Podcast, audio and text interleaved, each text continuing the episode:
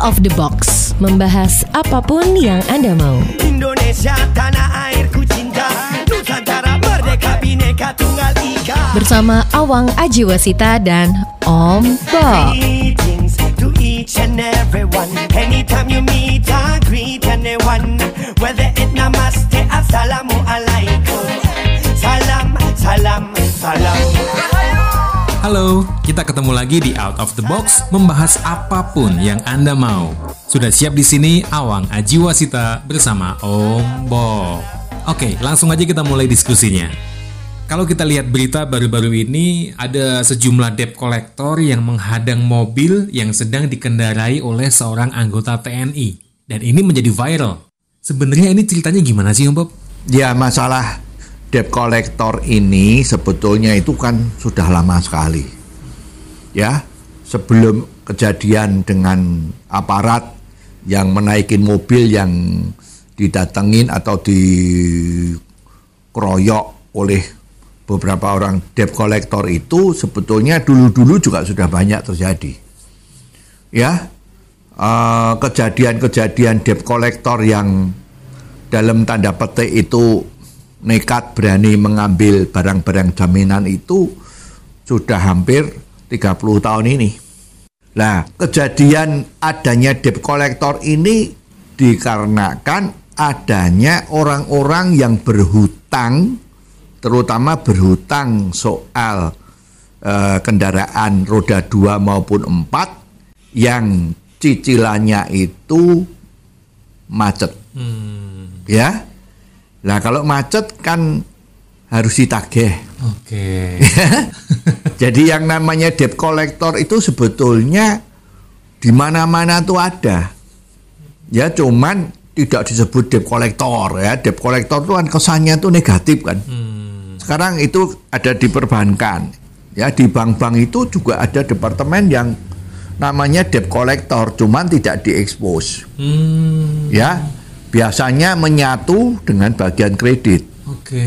Kalau ada nasabah yang kreditnya macet, nah petugas tadi itu yang mencoba menelpon, wah, mencoba menghubungi, Hei bos, kenapa eh, kredit lu ini kok cicilannya bulan ini macet?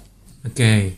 Ya, kalau banyak kredit-kredit yang macet, nah perbankan ini akan dicap bahwa banknya ini kurang sehat.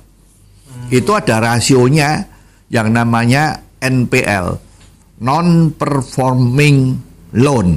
Ya, itu adanya artinya ada utang-utang yang pembayarannya itu seret. Oh. Nah, kalau bank itu NPL-nya tinggi, maka bank itu dianggap tidak sehat. Oke. Ya, jadi sebetulnya yang namanya debt collector itu ya di mana-mana terjadi, ada. Nah, kalau dari kasus kemarin itu kan OJK seperti kebakaran jenggot ya, Bob. Kemudian muncul beberapa aturan bahwa penagihan melalui debt collector ini dilarang. Menurut Om Bob gimana ini? Ya, memang ini kalau modelnya debt collector yang menarik atau menagih tadi itu dengan cara-cara yang kelihatannya tidak sopan ya. Itu ya memang sedikit menimbulkan keresahan. Tapi yang resah itu kan ya nggak bayar. ya kalau orang punya utang dan dia bayarnya lancar, kan nggak didatengin sama debt collector. Jadi sebetulnya kalau kita lihat masalahnya itu yang menjadi biang keroknya itu kan yang utang yang nggak bayar. Ya bukan debt kolektornya atau orang yang minjemin itu. Nah sekarang sepertinya juga ini agak aneh ya bahwa melakukan tagihan-tagihan utang atau piutang tadi itu dilarang melalui debt collector yang tidak resmi. Wah ini ini masyarakat juga menjadi bingung. Coba disebutkan sekarang debt collector yang resmi itu apa, yang tidak resmi itu apa. Sulit menjelaskan. Ya, perusahaan yang gede biasanya dia mencari jasa sama debt collector yang berbentuk eh, perusahaan.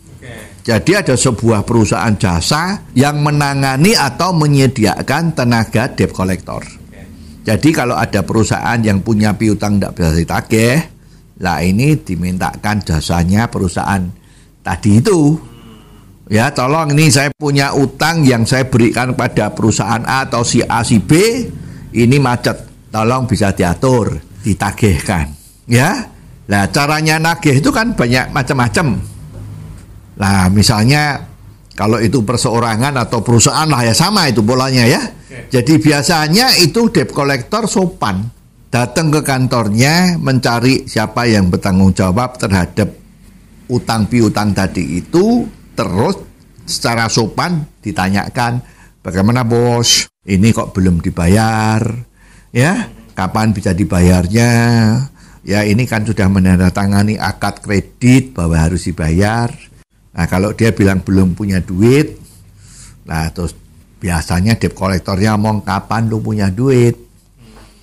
Kalau lu nggak bayar kan bunganya nambah terus, nanti bisa makin berat.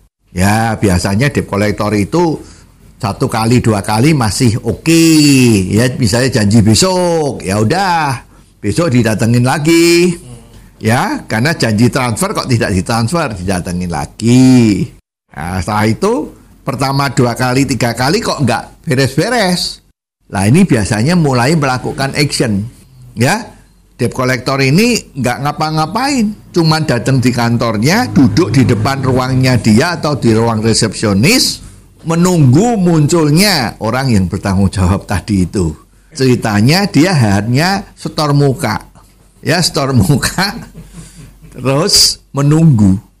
Nah orang yang punya utang kalau ditunggu sama penagihnya kan ya perasaannya kan nggak enak. Nggak nyaman ya. Nah, kalau nggak nyaman gimana supaya nyaman? Ya bayar. Nah, itu tugasnya debt collector. Jadi secara psikologik itu ada semacam pressure agar yang ngutang tuh bayar ya kantornya mewah, masih punya mobil, masih macam-macam, tapi kok nggak bayar. Nah, ini kan repot. Nah, itu satu ya. Nah, sekarang zaman dulu itu kalau ada utang piutang seperti ini tuh penyelesaiannya lama. Ya, misalnya ada orang yang utang mobil atau motor. Itu kalau tidak dibayar beberapa kali itu kalau mau menyita itu tidak bisa. Karena dulu semua urusan itu yang boleh menyita harus melalui pengadilan. Hmm. Jadi ceritanya hak dari orang yang utang itu dilindungi oleh hukum. Jadi kalau yang diutangin itu tidak bisa bayar, yang ngutang itu tetap dilindungi. Kalau mau disita itu harus melalui pengadilan. Nah, kalau melalui pengadilan kan nggak cepat rampung lama-lama dipanggil nggak datang, nanti yang dipanggil yang punya utang juga nggak datang. Ini kan, you tahu pengadilan di Indonesia ini kan tidak efektif kan. Artinya selalu ada urusan tuh agak lama penyelesaiannya kalau lewat pengadilan. Nah lama-lama perusahaan-perusahaan leasing atau perusahaan finance tadi itu yang ngutangin kepada orang yang mau kredit mobil atau motor itu kan lama-lama ya jadi pinter kan ini kalau lewat pengadilan nggak selesai-selesai, juga mobilnya masih dipakai atau sepeda motornya masih dipakai. Nah, kalau dipakai terus kan harganya prosot, ya kan? Jadi akhirnya pinter. Di dalam klausul-klausul akad kredit tadi itu sudah disebutkan. Ya dengan bahasa hukum yang benar, yang tidak salah, tidak melanggar hukum, sering kali mengatakan bahwa motor yang dia pakai atau yang dia kredit tadi itu adalah bukan miliknya dia kalau belum lunas. Hmm, iya, iya, iya. Ya, jadi ini masih dianggap meminjam dari yang melakukan pembayaran atas sepeda motor itu. Ya, dan istilahnya cicilannya itu dianggap sebagai sewa. Bayar sewa, pinjam ya bayar kan pinjam kan bayar. Nah, tapi pinjemnya ini kalau kamu sudah bayar berapa kali, dengan senang hati sepeda motor itu diberi kanju. Sementara yang ditahan BPKB-nya. Kelihatannya sudah oke sekali kan? Enak kan? Nah, dengan adanya kalimat-kalimat seperti itu biasanya juga ada tambahan. Apabila terjadi kemacetan di dalam pembayaran kredit ini dua kali atau tiga kali lah gitu ya. Itu maka harus kena denda. Kalau bayarnya tidak tepat kena denda berapa? Ya 100 ribu per hari atau berapa ya. Nah kalau sampai dua bulan tiga bulan tidak bisa nyicil maka yang meminjam tadi yang utang tadi itu dengan ini menyatakan bahwa sepeda motor yang dipakai itu akan dikembalikan kepada yang ngutangi atau diserahkan. Oke. Well, kita akan break dulu sebentar Om Bob. Kalau Anda punya komentar tentang apa pun juga, silakan dikirim melalui WhatsApp ke nomor 0878 55907788. Jangan Anda lewatkan out of the box versi singkat atau pendek dalam program Underline yang disiarkan di radio kesayangan Anda ini setiap hari. Ikuti juga YouTube channel Om Bob Indonesia. Kita akan kembali sesaat lagi. Greetings to each and everyone. Salam, salam, salam. Anda masih mendengarkan Out of the Box membahas apa pun yang Anda mau. Awang Ajiwasita bersama Om Bob. Kita lanjutkan lagi diskusinya ya. Kalau kita ambil hutang untuk mobil atau motor, tapi ternyata telat membayar, akan kena denda. Bahkan kalau sampai beberapa bulan, ada aturan untuk diserahkan kembali ke pemberi hutang. Ini menurut Om Bob gimana? Nah sekarang masalahnya kalau mobil sama sepeda motor, ya mau diserahkan, tapi dicari-cari nggak ada, ya disamperin di rumahnya orangnya nggak ada. Samperin lagi motornya atau mobilnya juga nggak kelihatan. Ya, lah ini kan perusahaan yang meminjamkan itu kan jadi kewalahan karena uangnya udah macet, tidak bisa narik mobil motornya itu, perusahaannya bisa bangkrut kan. Perusahaan itu kan juga banyak pegawai-pegawainya, ongkosnya juga jalan terus. Dia juga, siapa tahu dia juga utang sama bank untuk membeli sepeda motor itu dan di, diutangkan, dipinjamkan kepada orang yang minjem atau yang utang tadi itu. Nah, oleh sebab itu terjadilah biasanya debt collector itu sebetulnya tugas yang mulia ini debt collector ya. Membantu orang yang kesulitan tidak bisa nagih utang kok, ya kan? Mencari celah bagaimana? Oh, ini rumahnya di sini biasanya mesti ya masa tidak pulang ke rumahnya sih? Kan pasti pulang dong. Lah ditunggu di jalan-jalan yang di mana kemungkinan dia berhenti. Nah terjadilah. Misalnya yang di dekat rumahnya itu jalan kurang lebih 100 meter itu ada persimpangan yang ada traffic lampnya. Nah traffic lamp kalau merah kan dia berhenti. Nah, dia udah apal. Nomor polisinya berapa? Mobil atau motornya itu dari jauh diliatin aja terus. Warnanya apa? Biru. Oke ya. Setiap ada motor atau mobil yang warnanya biru ya diliatin. Tuh itu nomornya itu. Lah ini oke ya. Tunggu begitu merah kan dia berhenti. Disamperin. Maaf bos. Ini sepeda motornya ini ternyata masih ada masalah. Coba sekarang ke pinggir. Jangan naik motor dulu. Dipinggirin dulu. Atau dijelasin. Oke. Okay. Nah, kalau itu memang orangnya yang naikin itu adalah orang yang memang yang dia yang ngutang, yang pinjem, biasanya nggak ada masalah. Hmm. Sadar kan dia memang belum bayar kok. Ya wis diambil. Jadi dia yang biasa naik motor ya pulangnya nanti ngojek atau jalan kaki lah ya. Urusannya debt collector selesai. Karena dia di dalam membantu yang meminjemin itu kan syaratnya agar supaya barang yang dipinjemkan itu harus bisa ketemu. Nah kemarin kejadiannya itu menjadi ribut karena aparat kita yang mengendarain mobil dia tidak tahu bahwa mobil ini ada masalah. Nah kebetulan dia hanya diminta tolong untuk mengantarkan sesuatu, apakah ada keadaan darurat atau bagaimana kita nggak ngerti, maka dia dengan tenangnya membawa kendaraan itu. Oke. Okay. Nah sampai di traffic lamp terjadilah apa yang tadi kita bicarakan itu. Ternyata kendaraan ini bermasalah. Nah itu aparat yang sedang mengendarai kan merasa tersinggung. kok dianggap ini mobilnya maaf mungkin mobil yang nggak bener, mobil bodong atau mobil uh, asalnya nggak jelas ya macam-macam. Padahal dia kan nggak ngerti dan dia memang dengan tulus hati itu membantu agar membawa mobil ini menuju suatu tempat. Ada ada sesuatu yang urgent gitulah. Maka karena dia tidak rela kalau seperti ini, dia juga tidak percaya macam-macam, terjadilah ribut. Oh. Nah dengan adanya terjadi ribut-ribut ini kan ada yang tersinggung dong. Betul, betul. Karena sama langsung mas media ada, mungkin juga viral ya. Wah ini kan jadi ribut. nah maka ini salah satu dilema kerjaan dari debt collector ini sering-sering terbentur dengan masalah ini. Ya, nah, ini ini memang membuat repot. Jadi buah si malakama ini udah mobilnya ada, kalau nggak diambil dia tidak dapat honorarium dari jasa dia sebagai debt kolektornya, ya. Tapi kalau dipaksa ini ketemunya aparat yang sebetulnya tidak salah. Oke. Ini dilema. Ya, jadi kemarin sempat terjadi adu mulut bahkan mungkin kelihatannya ada secara fisik juga terjadi. Makanya kemarin juga keluar peraturan ya dari pihak aparat itu bahwa sekarang kalau mau debt collector beraksi itu harus debt collector yang resmi. Nah, ini juga sulit. Tapi apakah ada model debt collector yang lain gitu?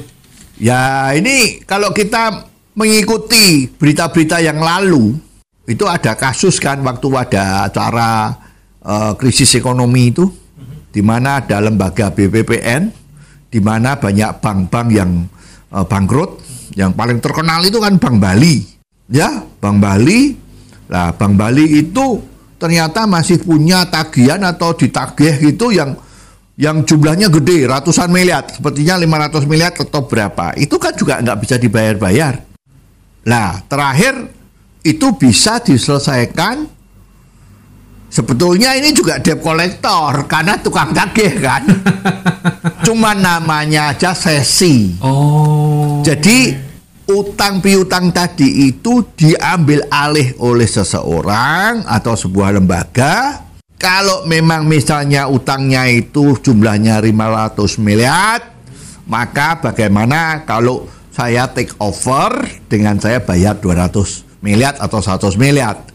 Kalau itu sudah oke, okay, maka hak tagihnya itu menjadi lepas dari yang punya tagihan. Hmm. Sudah berpindah tangan okay. karena sudah hak tagihnya itu sudah dioper.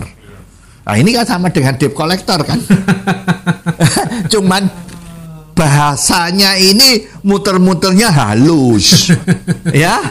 Dan menjadi debt collector atau cesi tadi itu ada risikonya.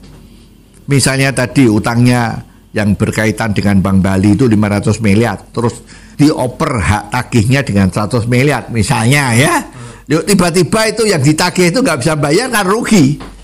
Dia udah keluar 100 miliar. Tapi kalau berhasil dengan semut, nah untung 400 miliar. Ini kan termasuk bisnis yang ada risikonya. Nah ini kalau debt collector yang sekarang umumnya kita lihat itu rasanya nggak ada risikonya. Risikonya kalau tidak bisa menarik barang itu ya dia nggak bayaran mungkin ya. Oke. Okay. Ya ada ongkos transport mungkin ada.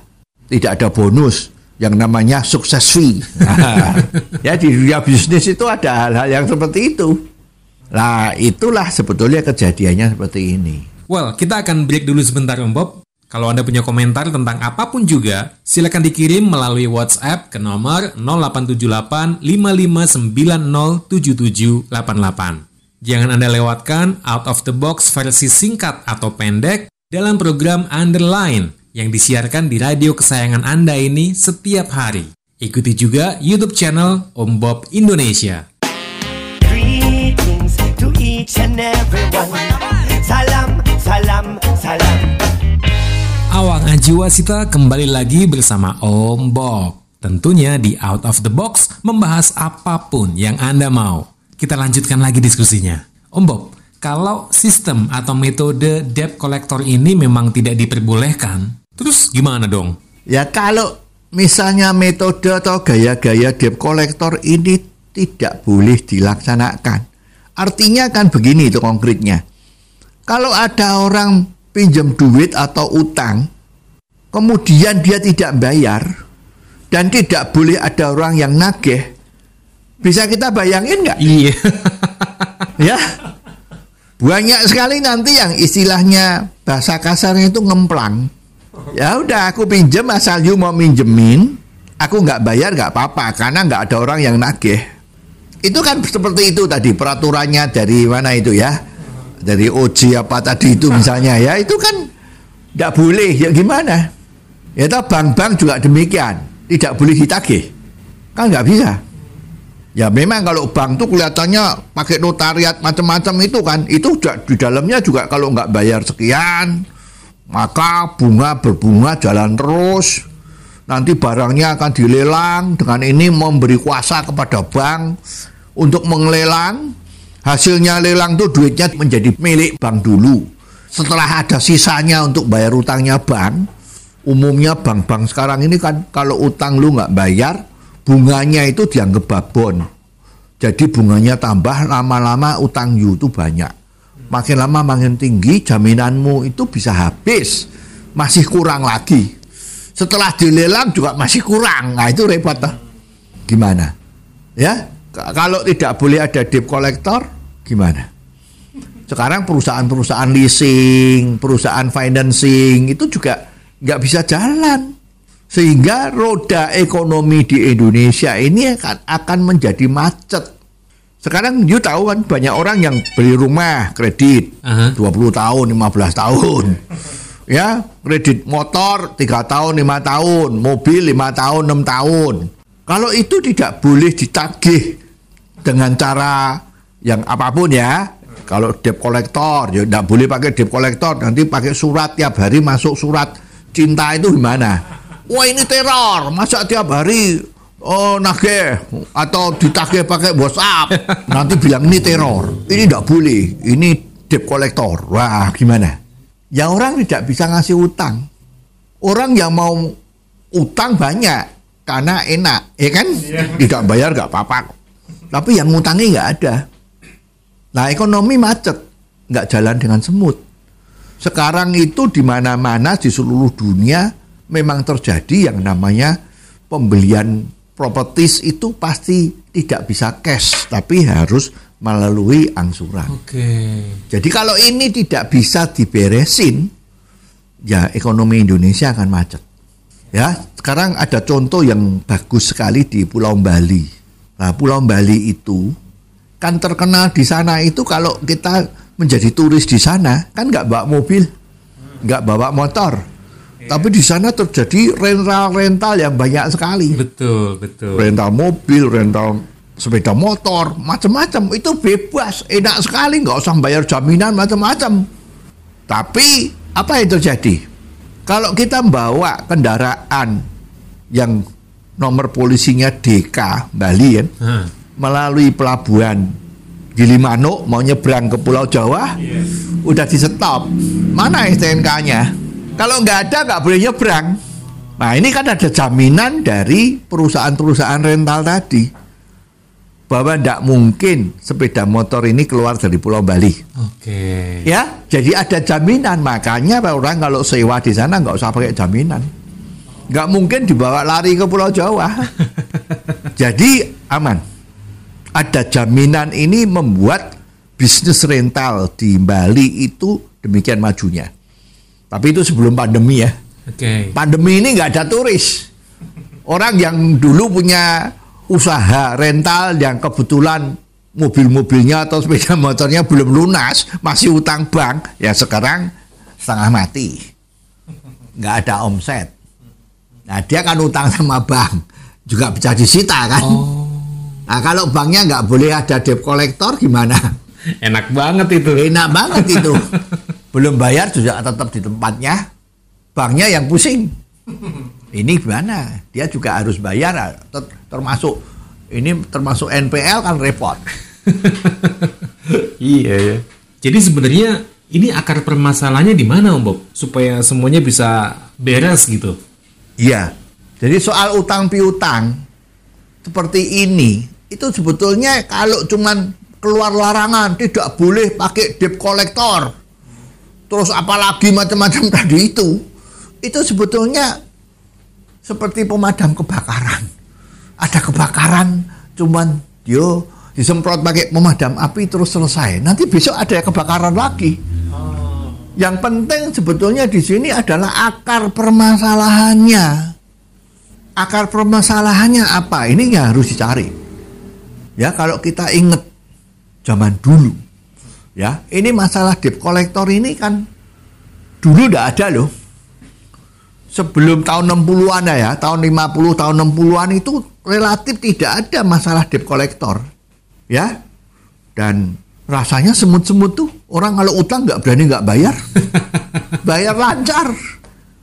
Ya karena waktu itu ada undang-undang yang namanya giseling, yaitu penyanderaan urusan perdata utang piutang yang utang kalau tidak bisa dibayar, maka dia akan dikenakan pasal giseling.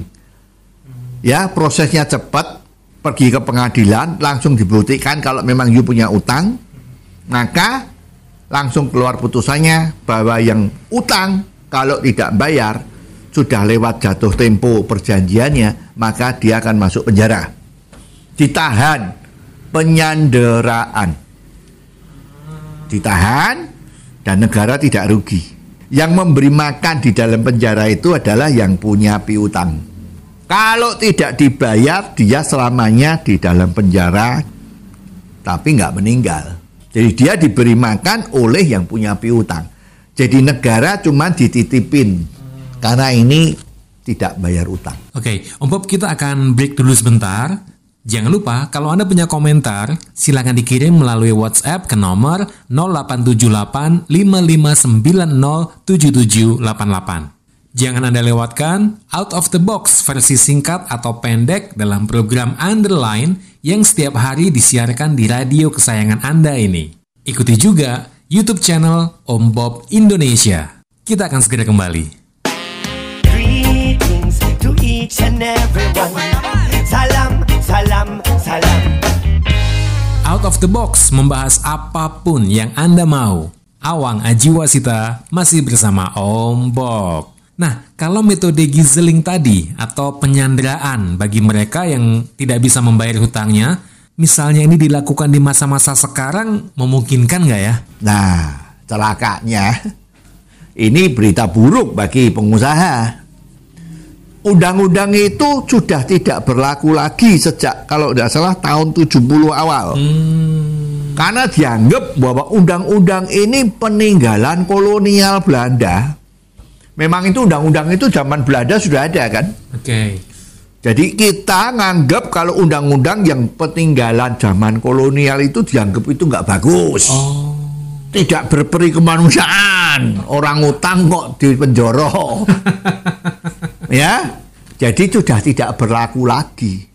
Maka terjadilah utang-utang yang tidak dibayar ngemplang-ngemplang tadi itu. Malah sering terjadi kalau ditagih yang punya utang lebih galak daripada yang memberi pinjaman. Waktu mau pinjem itu, wah halusnya setengah mati. Datang bawa oleh-oleh, ya bahasa basinya top, ya minta dibantu gini gini gini gini macam-macam.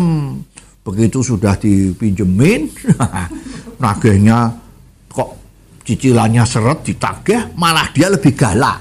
Dan salah-salah, kenapa kamu minjemin? Ya. Ah, tapi ini kejadian yang aneh, bin ajaib dan janggal.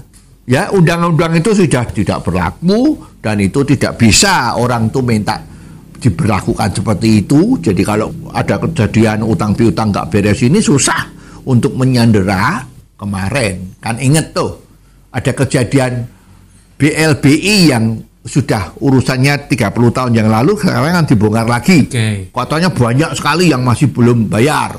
Ya, triliunan atau macam-macam itu. Ada yang disebutkan bank hmm, BD apa itu ya. Yuk banyak bank lagi yang lain lah ya singkatan-singkatan banyak itu ada tujuh bank apa 10 bank lah itu kan kemarin akan sempat keluar kan ada menteri pejabat kita yang ngomong Itu menteri siapa, Om Bob? Ya tidak usah ngomong lah ya. Nanti menjatuhkan nama baik. Nah itu ada menteri kementerian itu yang ngomong. Ini kalau tidak dibayar kita akan tangkap direkturnya untuk disandera agar supaya itu dibayar. Nah, aneh toh? Jadi sebetulnya inti permasalahannya adalah undang-undang kita itu ada lubang-lubang yang bisa dimasukin sama orang yang punya etika tidak baik. Oke. Ya tadi itu. Nah, coba kita sekarang bayangin. Orang biasa ada, ada bisa mikir kok. Kalau you utang dan you ngemplang tidak bisa bayar, maka you akan dipenjara, tapi diberi makan, tidak akan mati, sampai you bayar. Apa yang dilakukan? Pasti orang itu cari bantuan, apakah saudaranya, apa adiknya, apa siapa-siapalah yang kenal dengan dia minta bantuan. Tolong dong gua dibayarin nih. Saya punya utang kalau saya nggak bayar saya akan selamanya hidupnya di dalam penjara. Iya. lancar nggak? Lancar. Kalau itu terjadi ada debt collector nggak? Ya mungkin ada tapi sedikit. Ya malah bisa menjadi solusi kalau you nggak bayar-bayar nanti saya tuntut di pengadilan do you bisa masuk penyanderaan takut bayar Nah kalau semua utang bayar, orang utang bayar, utang bayar, maka ekonomi akan berkembang terus seperti snowball. Ya, bola salju jalan terus, ekonomi Indonesia akan maju. Dan undang-undang seperti ini rasanya masih berlaku di mana-mana. Ya, kalau kita lihat negara-negara maju itu kenapa kok memberi utang tuh enaknya setengah mati?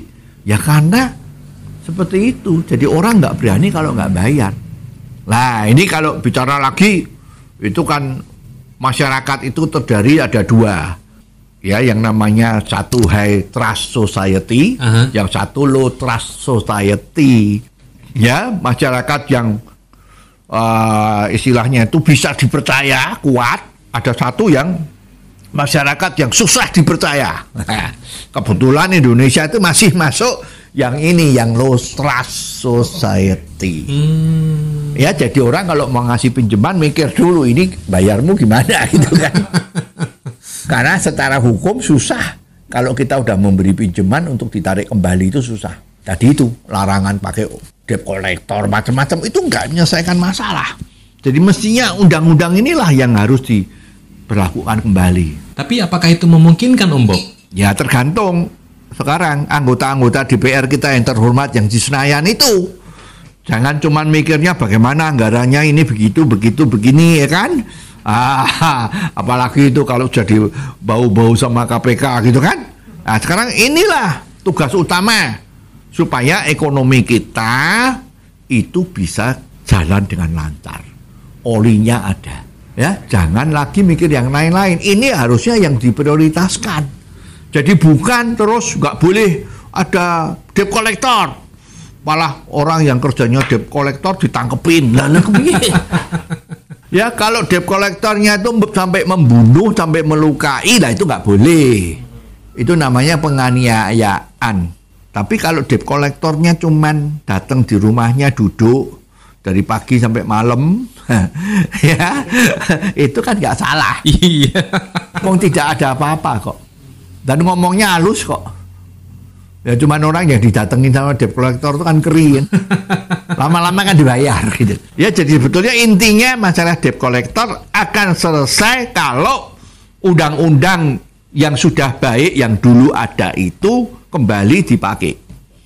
Ya seperti yang diinginkan oleh itu tadi ada menteri-menteri yang ngomong itu loh kalau yang ngutang BLB itu mau disandera ya itu aja dipakai Nah sekarang kan nggak ada itu mana dipakai sanderanya itu kan nggak. Dia bingung juga landasan hukumnya apa. Indonesia kan negara hukum. Nah kalau negara hukum orang yang hidupnya sebagai debt collector itu boleh nggak? Kalau nggak boleh kerja sebagai debt collector, ya nggak boleh dong. Hak asasi kan. Iya iya iya iya. Ya itulah. Ya jadi kalau kita mau ya jangan memadamkan kebakaran, tapi carilah sumber api itu kalau sumber api itu ada, kita tutup sumber yang nggak bagus itu, nah selesailah urusannya. Begitu aja kok repot kan?